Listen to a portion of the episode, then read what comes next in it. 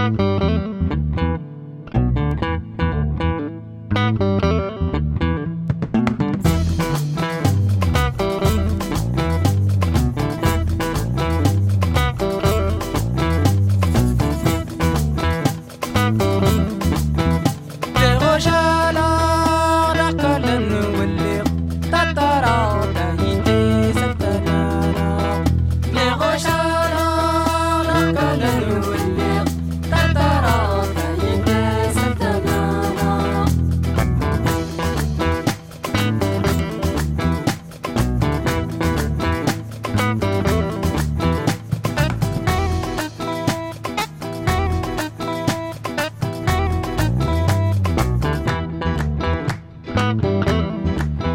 música del desierto, del Sáhara, lo hace un grupo tuareg que se llama Tuumast, que se mueven entre Burkina Faso y Libia, y es que nos vamos a acercar a un país también de la zona del Sáhara, como es Mauritania. Lo vamos a hacer con un experto sobre Mauritania, ya que ha investigado el sufismo, el sufismo negro en el África Occidental.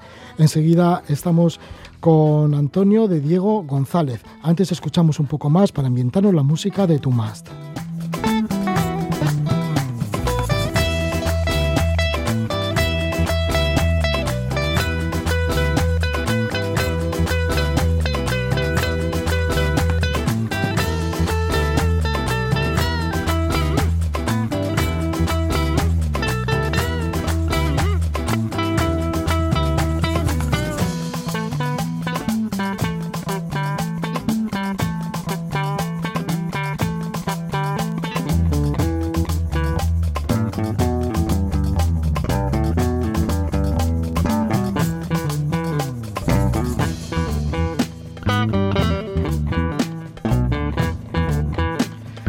De Diego González escribió la tesis doctoral sobre el sufismo africano. Y esto deriva de cuando una vez, en una ocasión, se fue a Venezuela, donde estudió las religiones afroamericanas y esto le hizo interesarse por el sufismo, un sufismo que viene de la religión musulmán que se practicaba por algunos esclavos que llegaron al otro lado del Atlántico, a Venezuela, y quiso conocer los orígenes de este sufismo negro y entonces pues visitó Senegal, Mauritania y Gambia. Vamos a detenernos en algunos de estos sitios, pero sobre todo en la región de Traza, pueblo de cofradías sufíes a la que acudió nuestro invitado y en la que recogió bastantes testimonios para que luego hiciera la tesis y luego además ha publicado un libro que resume esta tesis con el título de Sufismo Negro, una breve historia del sufismo en África Occidental. Antonio de Diego, bienvenido, muy buenas noches. Muy buenas noches, Roge, ¿qué tal estás?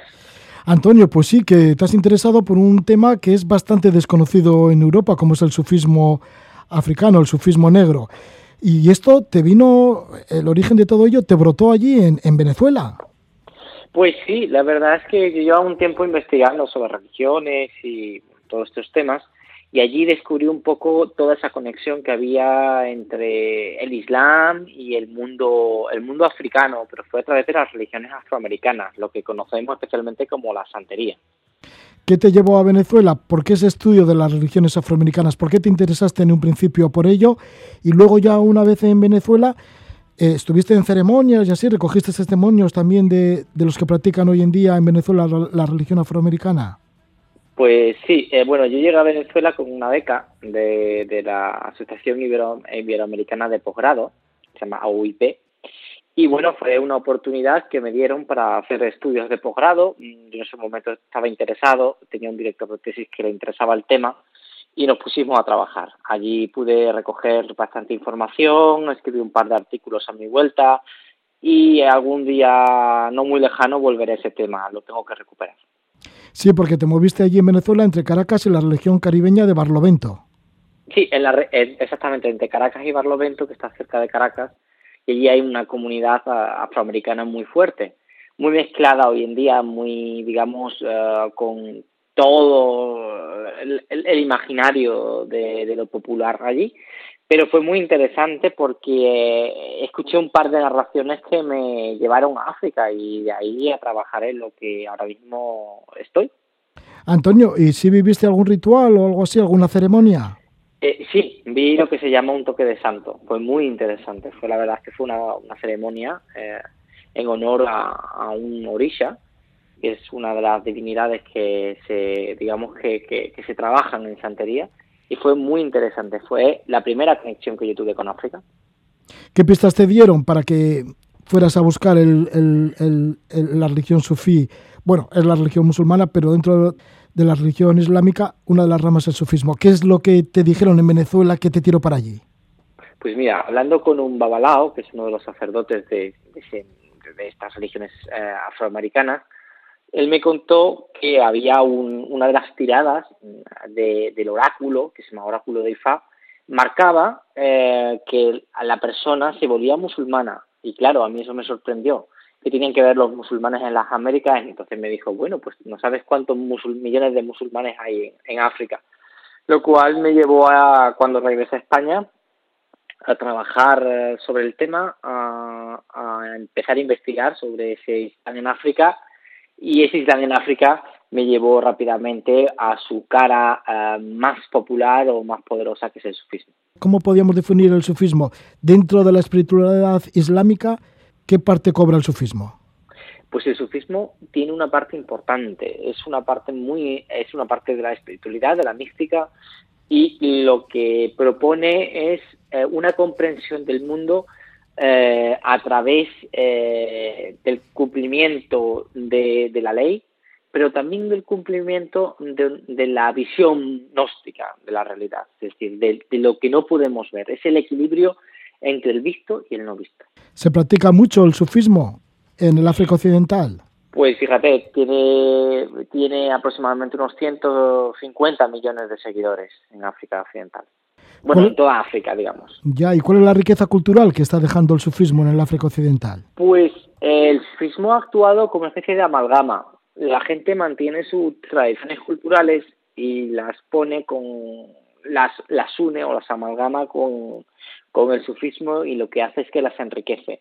Es muy interesante ver cómo el sufismo está presente prácticamente desde Mauritania hasta Kenia y, lo encuentras como un elemento que vertebra esas creencias tradicionales en los ancestros, en las fuerzas de la naturaleza, junto con las ideas como la justicia, eh, la paz o, por ejemplo, la, eh, la solidaridad social ¿no? que tiene el sufismo.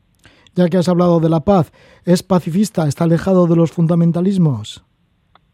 Actualmente eh, sí, es la alternativa al fundamentalismo, porque la visión mística le da, digamos, una posición privilegiada para poder entender todo esto. Hace 200 años optó por la violencia en un momento oh, muy determinado eh, y sobre todo en el principio del colonialismo. Después los líderes sufíes se dieron cuenta que ese no era el camino porque el costo que tenían que pagar era demasiado alto y a veces convenía más usar esa mística en la sociedad. ¿Cómo es esa mística ya llevado a la zona del Sáhara y el Sahel? ¿El espacio del desierto también les eleva? Pues sí, es una mística que no es ascética como la conocemos en Occidente, pero sí es austera. Es una mística que se aprende a base de té, de la, paciencia para preparar el té eh, eh, mauritano, que es un té, eh, digamos, amargo, aunque requemado con el azúcar, y a la vez es una mística basada en la ah, comprensión de la experiencia del profeta Mohammed. Es una, es, una mística muy presente, muy enraizada en lo cotidiano. Sí, porque conocemos los sufís de Turquía que van dando vueltas sobre sí mismos. En, los místicos sufís del, del Sáhara o de la zona más anterior de, de África, ¿cómo es? ¿Cuáles son sus ritos? Pues los ritos fundamentalmente son la recitación de los nombres de Allah, pero a diferencia, por ejemplo, de, la, de, las cofradías, por ejemplo, turcas o centroasiáticas, que tienen más inspiración chamánica, eh, siempre suelen ser unos ritos que se hacen sentados, fundamentalmente. Sentados y donde la poesía tiene un gran papel. Para las sociedades como eh, las sociedades saharianas o del Sahel, tiene un gran peso la poesía. Es el elemento vertebrador porque en ella se transmite lo alegórico, lo simbólico y encima se deja espacio para la belleza. Casi todos los maestros sufíes entonces son poetas. Casi todos los maestros sufíes de la zona son poetas y son poetas de, una, de un grandísimo nivel. ¿Son gente muy ilustrada? Sí, son bastante ilustrados. Eh, yo te podría decir que no hay nadie que no sepa ni leer ni escribir. Es muy raro encontrarte a alguien que, sea analfabeto en esas tierras. Lo más normal es que hayan memorizado una media de 10, 15 libros completos. Antonio, ¿cuáles son los puntos del África Occidental que has visitado para conocer a los sufís? Pues yo principalmente eh, estuve en Mauritania, en, Senegal y en Gambia. Por ejemplo, en Senegal un centro importante es en la ciudad de Kaolac. exactamente, la ciudad de Kaolac es un centro muy importante porque allí eh, vivió y fundó su comunidad el místico, el famoso místico, el famoso maestro Ibrahim una de las figuras más importantes del Islam contemporáneo. También en Senegal está Tuba, que es una ciudad santa de la cofradía Murit. Exactamente. La, la, la cofradía Murit tiene allí su sede. Fue la ciudad que eligió uh, Ahmadu Bamba, el fundador de la, de la orden. Y lo interesante es ver cómo esta cofradía se ha extendido en, por la diáspora en todo el mundo. ¿Te han dejado entrar para preguntarles, para recoger testimonio, para luego realizar tu tesis sobre el sufismo negro? Pues en mi caso sí. En mi caso tuve mucha suerte y en parte se debe a que, a, que pedí los permisos, ¿no? Pedí los permisos y estuve conviviendo con ellos en los espacios. Entonces, eh, aparte de observar su día cotidiano, aprender de ellos, aprender sentado como una, un discípulo más de ellos, lo cual fue muy interesante porque la, la, la experiencia fue muy subjetiva y me permitió comprender mucho en la mente de, de, estas personas. Después tuve la, la, suerte de poder viajar con algunos de ellos, lo cual fue una experiencia inmejorable. ¿Cómo fue ese viaje? ¿A dónde te llevaron? Pues yo fui de Senegal a Mauritania, eh, cruzando toda Senegal y eh, cruzando el río Senegal, que es la frontera en la ciudad de Rosso y fue una, la verdad es que fue un viaje bastante curioso. Sí, sí, lo veo ya hace casi cinco años, pero fue un viaje fascinante. ¿Por qué esa fascinación? Porque incluso el cambio de, del espacio, por ejemplo, el cambio de, de Senegal con sus baobabs, eh, con su, digamos, el, el, contraste que hay hasta ese momento en el río Senegal, hasta que llega a San Luis y empieza a ver empiezas a ver ya el desierto, porque una vez que cruzas a la parte de Mauritania te encuentras con lo que es realmente el desierto, que aunque pueda parecer que no tiene vida, está lleno de vida. Sí, ¿cómo has ido adivinando esa vida? ¿Qué te han ido ilustrando las mismas gentes del lugar, del desierto, de pues toda esa vitalidad que tiene el desierto?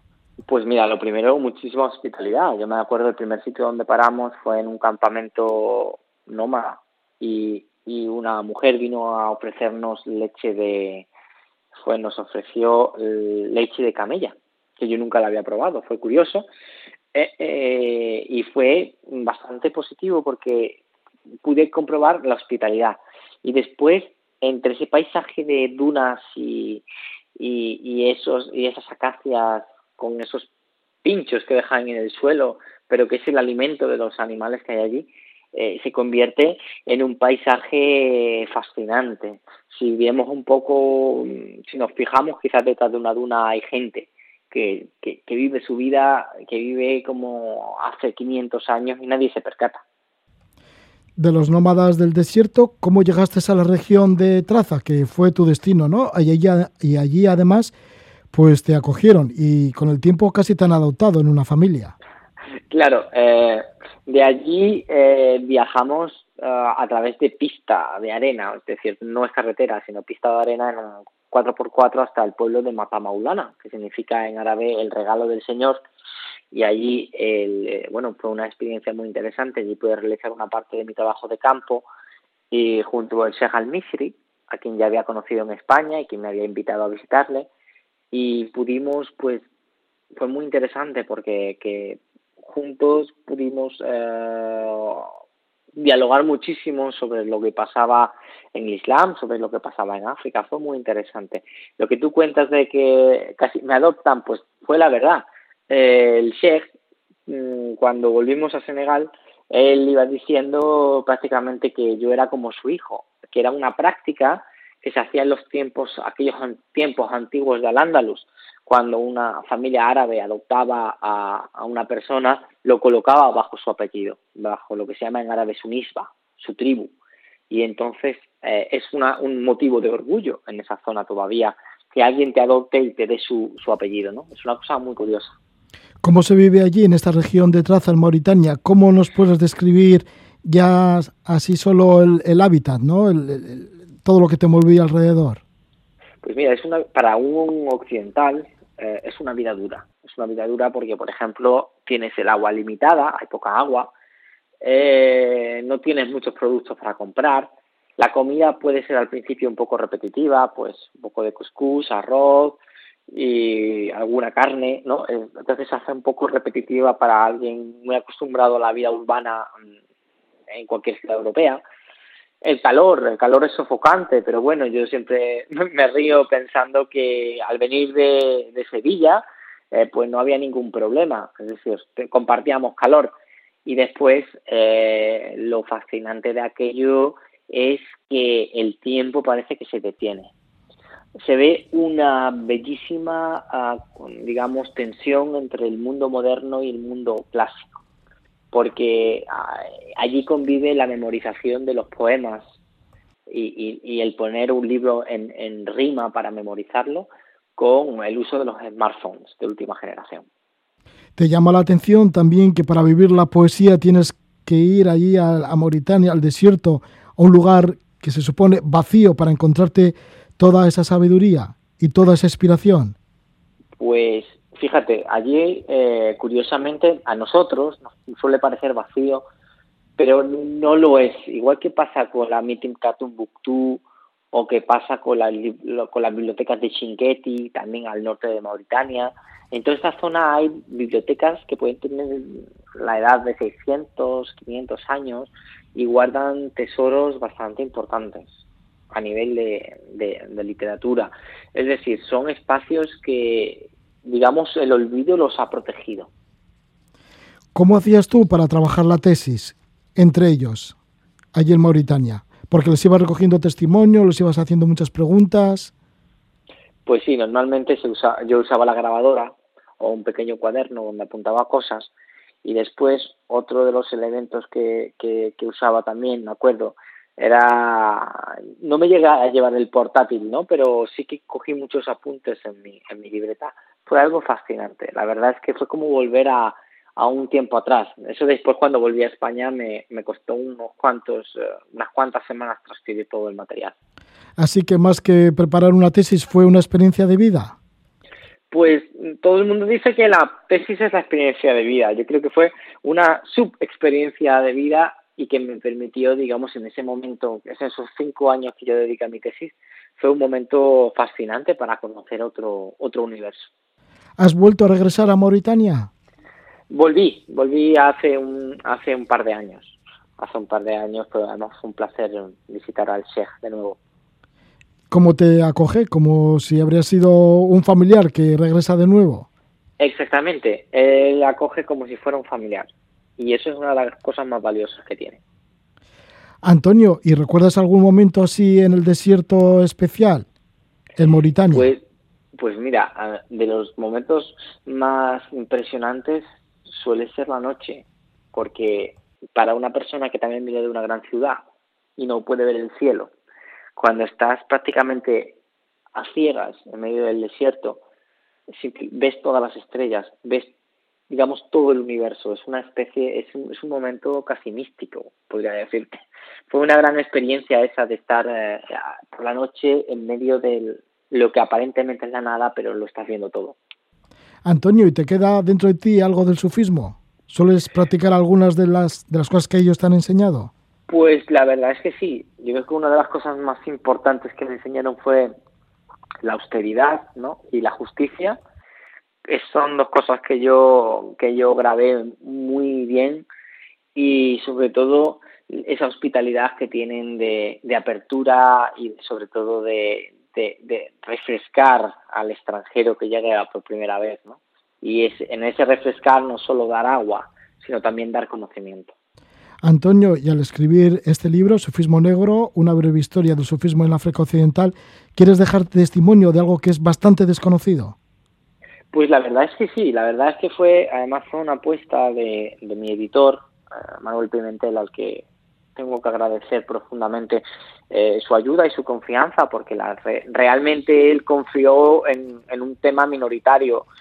Y, yo quería dejar precisamente constancia de algo que, que, no, que no es perceptible o que no es muy conocido en, en Europa, pero sin embargo conviven con nosotros, porque imagínate, Roge, que muchos de esos manteros que vemos a diario en nuestras ciudades, mm, pues seguramente pertenecen a una de estas órdenes sufís. Bueno, pues para conocer más estas órdenes sufís, para conocer más la cultura del África Occidental y el sufismo negro, ahí está este libro, Sufismo Negro, una breve historia del sufismo en el África Occidental. Nos lo está contando su autor, que es doctor en historia, Antonio de Diego González, que nos habla desde Sevilla. El libro lo edita Almuzara. Pues muchas gracias por habernos llevado, Antonio de Diego González, a la profundidad del desierto del Sáhara y a esta región de Traza que está en Mauritania. Pues muchísimas gracias a ti por darme la palabra.